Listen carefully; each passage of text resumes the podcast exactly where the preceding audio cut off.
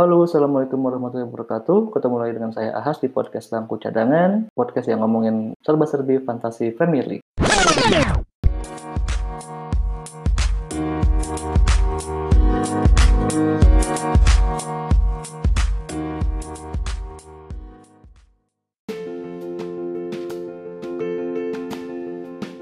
Oke, pada episode kali ini gue akan ngomongin tentang hasil game week 5 di Premier League kemarin dan takeaways-nya buat FPL. Kita mulai di match pertama, game pembuka Everton versus Liverpool. Skornya 2-2 dan kalau menurut gue Liverpool dan Everton ini masih menunjukkan performa yang apik ya. Jadi kalau untuk FPL masih banyak aset yang bisa dipilih dan kita uh, transfer buat masuk di tim EPL kita.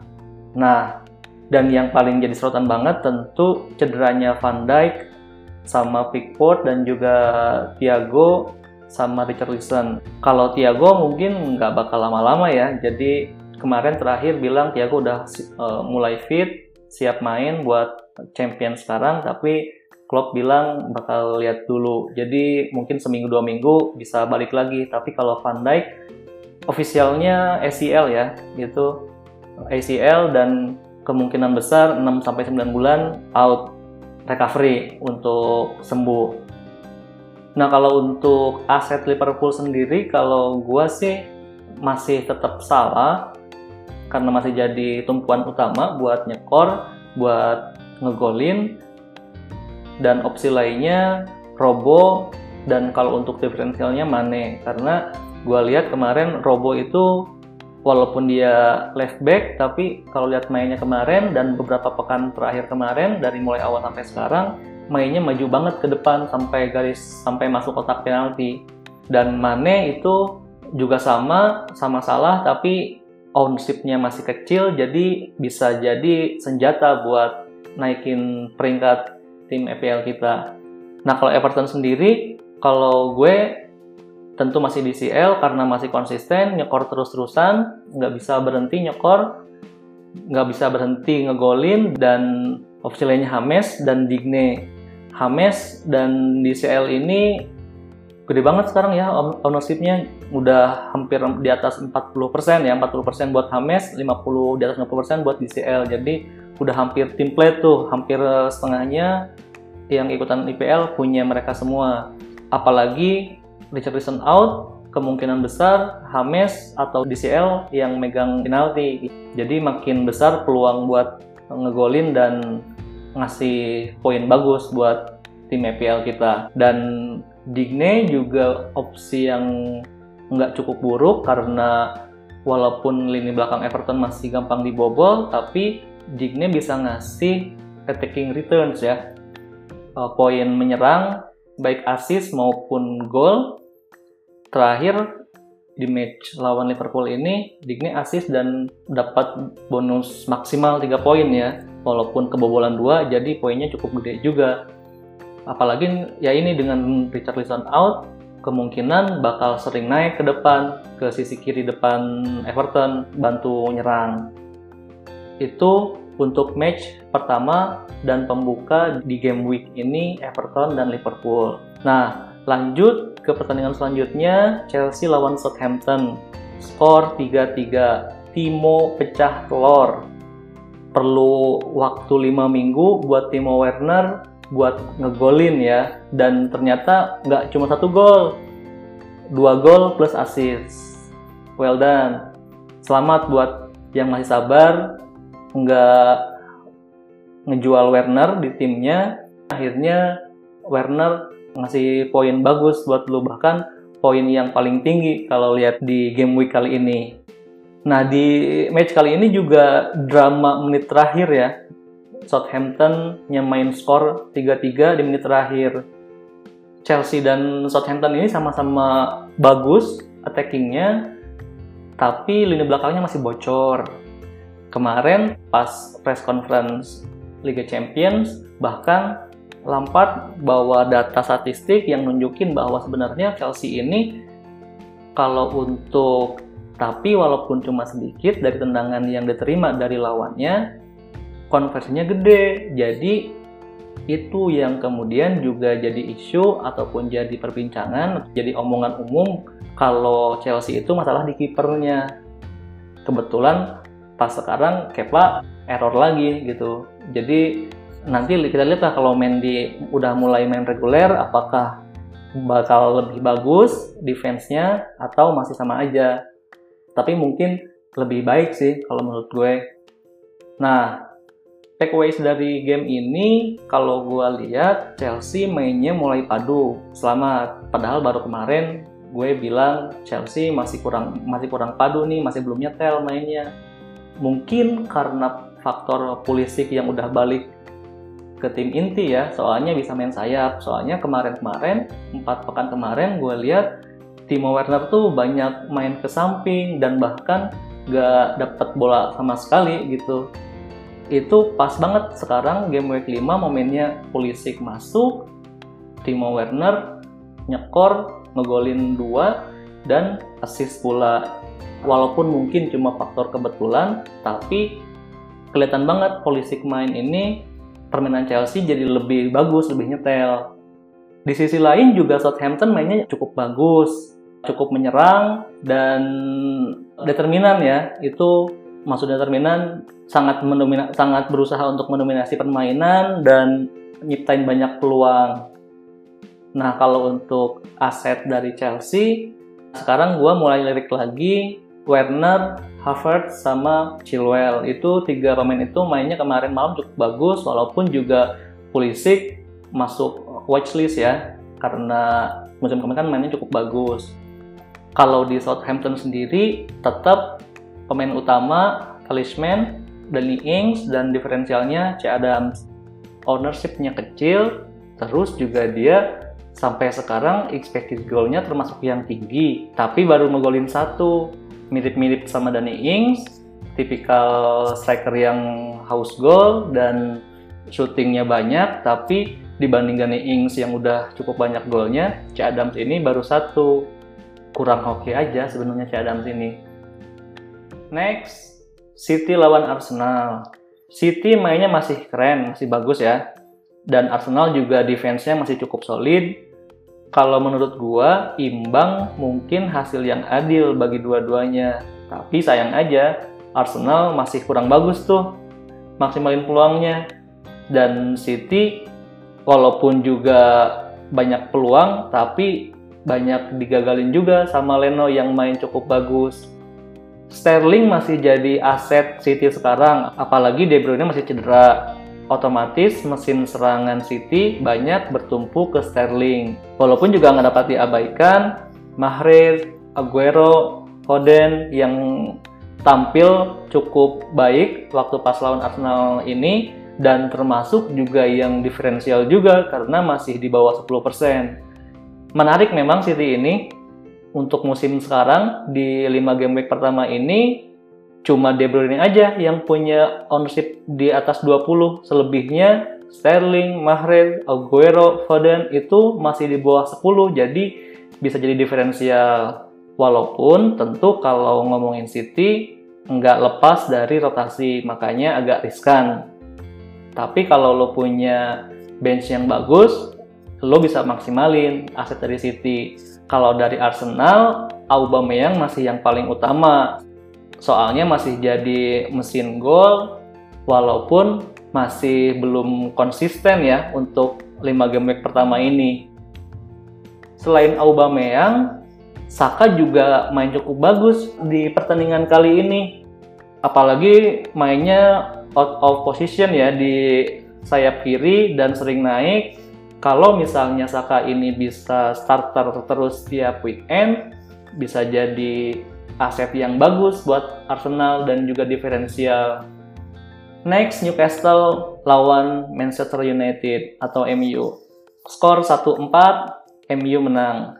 Fans MU mesti deg-degan nih lihat match ini. Skor imbang 1-1 sampai menit 85 sebelum Bruno ngegolin di menit 85 dan di match ini juga jadi pertandingan yang mungkin nggak bakal dilupain sama Bruno Kenapa? Karena babak pertama golnya dianulir, pertengahan babak kedua penaltinya digagalin. Eh, di 5 menit terakhir bisa ngegolin dan bikin assist. Happy ending lah buat Bruno di match kali ini. Kemudian Newcastle mainnya masih defensif ya. Abis leading 1-0, kemudian langsung bertahan. Jadi MU bisa leluasa dan ngembangin permainan, ambil alih kontrol permainan. Dan untuk MU asetnya masih tetap Bruno karena masih main-main. Semuanya berpusat ke Bruno. Dia yang passing, dia yang shooting, dia yang ambil free kick, dia yang ambil corner kick. Itu hampir semuanya di Bruno. Jadi kalau gue pribadi di MU ini yang paling menjanjikan dan garansi itu Bruno. Kalau mau diferensial bisa ambil Rashford, apalagi Martial masih kartu merah. Jadi kombinasi Rashford dan Bruno itu bisa jadi kombinasi yang menghasilkan banyak poin bagi tim EPL kita. Kalau Newcastle masih tetap Callum Wilson dan diferensialnya Saint Maximin. Tapi kalau gue nggak terlalu prefer sih sebenarnya kalau untuk aset dan Newcastle. Next, Sheffield United lawan Fulham, skor 1-1 Fulham sebenarnya ini hampir menang nih sebelum akhirnya Sheffield United nyamain skor lewat penalti di 5 menit terakhir. Drama juga nih. Dan di sini yang jadi aktor utamanya Mitrovic. Kalau tadi Bruno, kalau ini Mitrovic. Tapi ini apes Mitrovic. Aktor yang apes. Kenapa apes? Karena yang pertama penaltinya melambung, yang kedua ada peluang tapi nggak ngegolin, yang ketiga pelanggaran yang nyebabin Fulham kena penalti di, di 5 menit terakhir itu yang akhirnya skor jadi satu-satu hari yang buruk bagi Mitrovic. Di sisi lain, McBurney di Sheffield United juga banyak peluang, tapi Areola tampil gemilang. Cia. Tapi benar, Areola ini pas pertandingan kali ini tampil bagus banget banyak peluang dari Sheffield United yang mungkin bisa jadi gol, tapi bisa digagalin. Jadi hasil imbang ini cukup fair lah bagi kedua tim. Aset Sheffield United, gue pribadi enggak. Tapi kalau watchlist, pasti Ryan Brewster yang baru masuk, empat setengah juta, forward yang paling murah bisa jadi opsi alternatif kalau misalnya jadi pilihan utama kalau Fulham masih Mitrovic ya, karena Mitrovic masih jadi talisman walaupun di match ini apes aja sebenarnya kalau menurut gue. Oke, okay, next. Crystal Palace lawan Brighton skor 1-1. Ini juga drama nih. Crystal Palace sudah hampir menang depan mata, eh Brighton ngegolin di menit terakhir. Tapi ini juga kalau menurut gue fair juga sih. Bahkan sebenarnya Brighton lebih pantas menang dibanding Crystal Palace. Kenapa? Karena Crystal Palace ini cuma satu shoot dan itu pun penalti yang akhirnya jadi gol. Nah kalau Brighton dia 20 shoot walaupun yang jadi gol cuma satu. Jadi sebenarnya Brighton lebih banyak peluang dan lebih pantas menang sebenarnya kalau menurut gue ya. Cuma banyak peluang yang penyelesaiannya kurang klinikal, baik itu sama Maupay atau pemain-pemain Brighton yang lainnya. Nah, kalau menurut gua aset Brighton sekarang yang paling bagus itu Neil Maupay. Ini agak apes juga nih Neil Maupay di match kali ini. Banyak peluang tapi nggak hoki, jadi banyak diblok dan banyak ditepis sama kiper Crystal Palace. Kalau aset Crystal Palace sendiri pasti masih Wilfred Zaha ya karena masih OOP atau out of position. Di EPL jadi gelandang tapi di real match jadi striker dan juga pegang penalti. Jadi Zaha cukup prospektif kalau menurut gue. Tapi kalau gue pribadi nggak prefer sih kalau buat Zaha soalnya ada banyak gelandang lain yang bisa lebih eksplosif dan lebih konsisten dibanding Zaha walaupun misalnya nanti tentu kalau Zaha udah mulai nunjukin konsistensi bisa jadi andalan di tim kita. Nah, next yang juga nggak kalah serunya Tottenham melawan West Ham United. Ini match yang paling dramatis kalau menurut gue di game week 5 ini. Kenapa? Karena Spurs sudah menang 3-0 sampai menit 81 sebelum akhirnya West Ham bisa ngejar ketertinggalan dan nyamain skor di detik akhir. Golnya juga cakep juga tuh Lanzini. Jarak jauh dan pojok gawang dan pojok gawang banget ya. Nah kalau menurut gue takeaways dari match ini Tottenham mainnya masih gahar. So far omongan orang yang bilang kalau Jose Mourinho bagus di musim keduanya cukup terbukti sampai sampai game week 5 ini. Duet maut Ken dan Son masih jadi mimpi buruk buat tim lawan. Ken pas ke Son, gol. Son pas ke Ken, gol. Ini bisa jadi esensial kalau menurut gue Ken Son ini. Gue masih punya satu sih, Son. Mungkin kalau ada budget lebih, gue mau transfer Ken juga sebenarnya, tapi ini kendala sama budget aja, masih belum bisa masukin Ken. Dan West Ham sendiri masih nerusin tren main bagus sampai sekarang. Yang sebelumnya menang-menang terus dan sekarang lawan Tottenham ketinggalan 3-0 sampai 10 menit terakhir dikejar dan bisa nyamain skor. Dan ini juga jadi sejarah West Ham jadi tim pertama yang nggak kalah setelah kalah 3-0 sampai menit 81 jadi sebelum-sebelumnya kalau yang udah kalah 3-0 sampai menit 80 udah udah hampir pasti kalah kecuali West Ham ini. Nah, kalau untuk aset Tottenham udah pasti Ken dan Son. Kalau West Ham gue pribadi nggak ada sih karena terlalu random distribusi poinnya. Kadang Antonio, kadang Bowen, kadang Presswell, kadang yang lain. Jadi kalau menurut gue masih belum stabil atau masih belum konsisten siapa yang jadi mesin pendulang poin bagi tim EPL gue. Oke, okay, next. Leicester lawan Aston Villa. Kalau gue lihat matchnya, sebenarnya draw itu hasil yang fair buat keduanya. Kenapa? Karena Leicester banyak peluang, Aston Villa juga banyak peluang. Tapi kedua kipernya sama-sama tampil bagus juga, banyak ngegagalin peluang-peluang yang ada.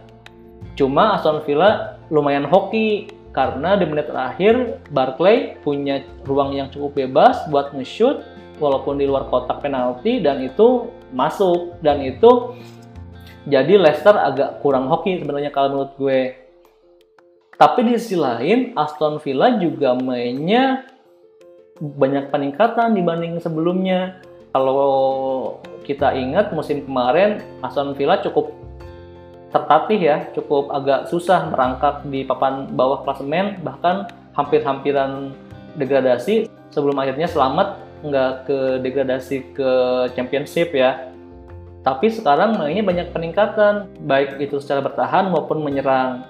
Masuknya Martinez jadi kiper baru, kalau menurut gue itu sangat signifikan membantu membantu pertahanan Villa lebih solid dan masuknya Barkley dan Watkins di sektor tengah dan striker juga ngebantu Grealish yang sebelumnya kayak kurang temen, kayak kurang bantuan di lini tengah Aston Villa.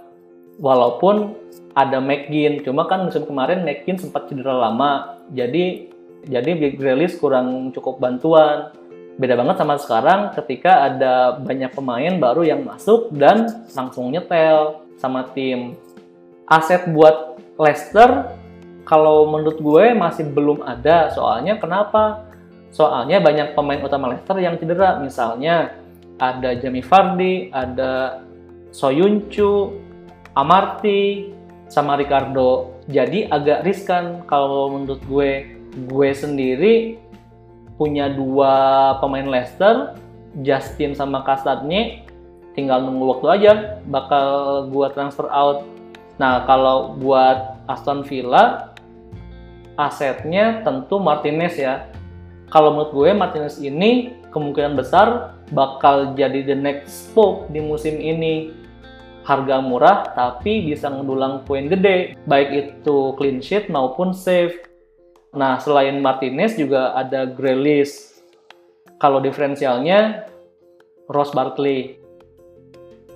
Kalau lihat statistiknya, Barkley sama Grealish dua pertandingan terakhir karena Barkley baru main penuh dua pertandingan terakhir bersama Villa ini. Nah, kalau dibandingin Grealish sama Barkley ini dua-duanya masih menjanjikan Barkley dibanding Grealish kalau untuk nyekor atau ngegolin. Kalau Grealish itu sekarang lebih banyak ke nyiptain peluang atau jadi playmaker, assist. Nah kalau Barkley karena dia apalagi di jadi penyerang lubang di belakang Watkins, jadi lebih leluasa dan lebih banyak jadi lebih bebas bisa masuk ke kotak penalti dan bisa lebih banyak peluang buat bikin gol. Nah, selanjutnya West Brom lawan Burnley. Ini match di mana dua tim tipe defensif yang sama-sama menyerang di match kali ini. Ini karena dua-duanya bukan tim elit, makanya pada berani menyerang ya West Brom sama Burnley. Tapi tapi kalau misalnya lawan tim-tim yang cukup gede, mereka bakal lebih defense-nya lebih kuat. Mereka bakal lebih prefer defense dibanding nyerang. Johnson dan Pop dua-duanya main cukup bagus, dan bisa bikin skor bertahan kosong-kosong sampai peluit akhir. Kalau dua-duanya mainnya nggak sebagus itu, mungkin nggak bakal kosong-kosong nih skornya. Mungkin satu-satu atau dua-satu. Yang jelas ada yang kebobolan, soalnya West Brom dan Burnley masing-masing banyak peluang. Misalnya sundulan Chris Wood yang udah ditepis dan kena mistar agak kurang beruntung ini dua-duanya apalagi Burnley ya Burnley ini agak kurang beruntung karena tadi beberapa sundulan Chris Wood kena tiang kalau untuk aset WBA nggak ada yang terlalu menarik tapi Pereira masih jadi yang stand out dibanding pemain West Brom yang lain karena dia pegang free kick, corner, dan syutingnya cukup bagus. Kalau Burnley gue nggak prefer buat pertahanan Burnley sekarang masih belum sebagus musim kemarin. Kalau disuruh ngambil opsi, paling Chris Wood. Soalnya Chris Wood masih jadi striker utama di Burnley. Terakhir Leeds lawan Wolves. Match ini sebenarnya fairnya draw, tapi lagi-lagi Leeds kurang beruntung. Padahal mainnya udah cukup kompak, tapi penyelesaian akhirnya masih buntu. Dan di belakang juga cukup solid sebenarnya. Kurang beruntung aja kebobolan karena gol pantulan dari shootnya Jimenez. Dan untuk Wolves sendiri masih konsisten dan cukup beruntung. Kenapa cukup beruntung? karena yang pertama shootingnya Jimenez deflection dan jadi gol. Dan yang kedua Jimenez itu harusnya kartu merah tuh karena dia nendang dia mau nendang pemain Leeds mirip-mirip insiden musim kemarin Heng Ming Son yang kartu merah. Nah, gue nggak tahu nih kenapa di sini nggak kartu merah ya. Jadi beruntung banget tuh. Dan gue juga sebagai yang punya Jimenez di tim yang merasa bersyukur dengan dengan keberuntungan ini. Oke, okay, dan untuk aset lead sendiri, kalau gue pribadi masih belum terlalu ada yang meyakinkan. Tiga game week pertama, Bamford, Klitsch, sama gelandang-gelandang Leeds masih meyakinkan. Tapi dua game week terakhir ini masih ternyata tumpul. Jadi masih belum ngelirik pemain Leeds kalau gue pribadi. Nah kalau Wolves masih Jimenez dan bermain size. Jimenez walaupun jarang ngasih poin yang gede, tapi konsisten. Rata-rata dari lima pertandingan bisa ngasih attacking returns 2 sampai 3. Jadi menurut gue Jimenez masih bagus buat jadi aset. Size juga bagus apalagi kalau out of position sekarang ya, jadi left jadi back kiri yang sering maju ke depan ini juga sayang banget nih saya itu ngegolin tapi di tapi dianulir karena offside. Nah aset Wolves lainnya Max Killman Max Killman ini back murah tapi ternyata dua pertandingan terakhir starter terus dan ngasih poin bagus buat tim FPL bisa jadi pengganti back yang lain yang harganya kurang lebih sama mungkin kisaran empat setengah sampai 5 Oke segitu dulu buat episode kali ini. Makasih buat yang udah ngedengerin. Kita ketemu di episode selanjutnya. Ingat panah hijau atau panah merah jangan lupa tetap bahagia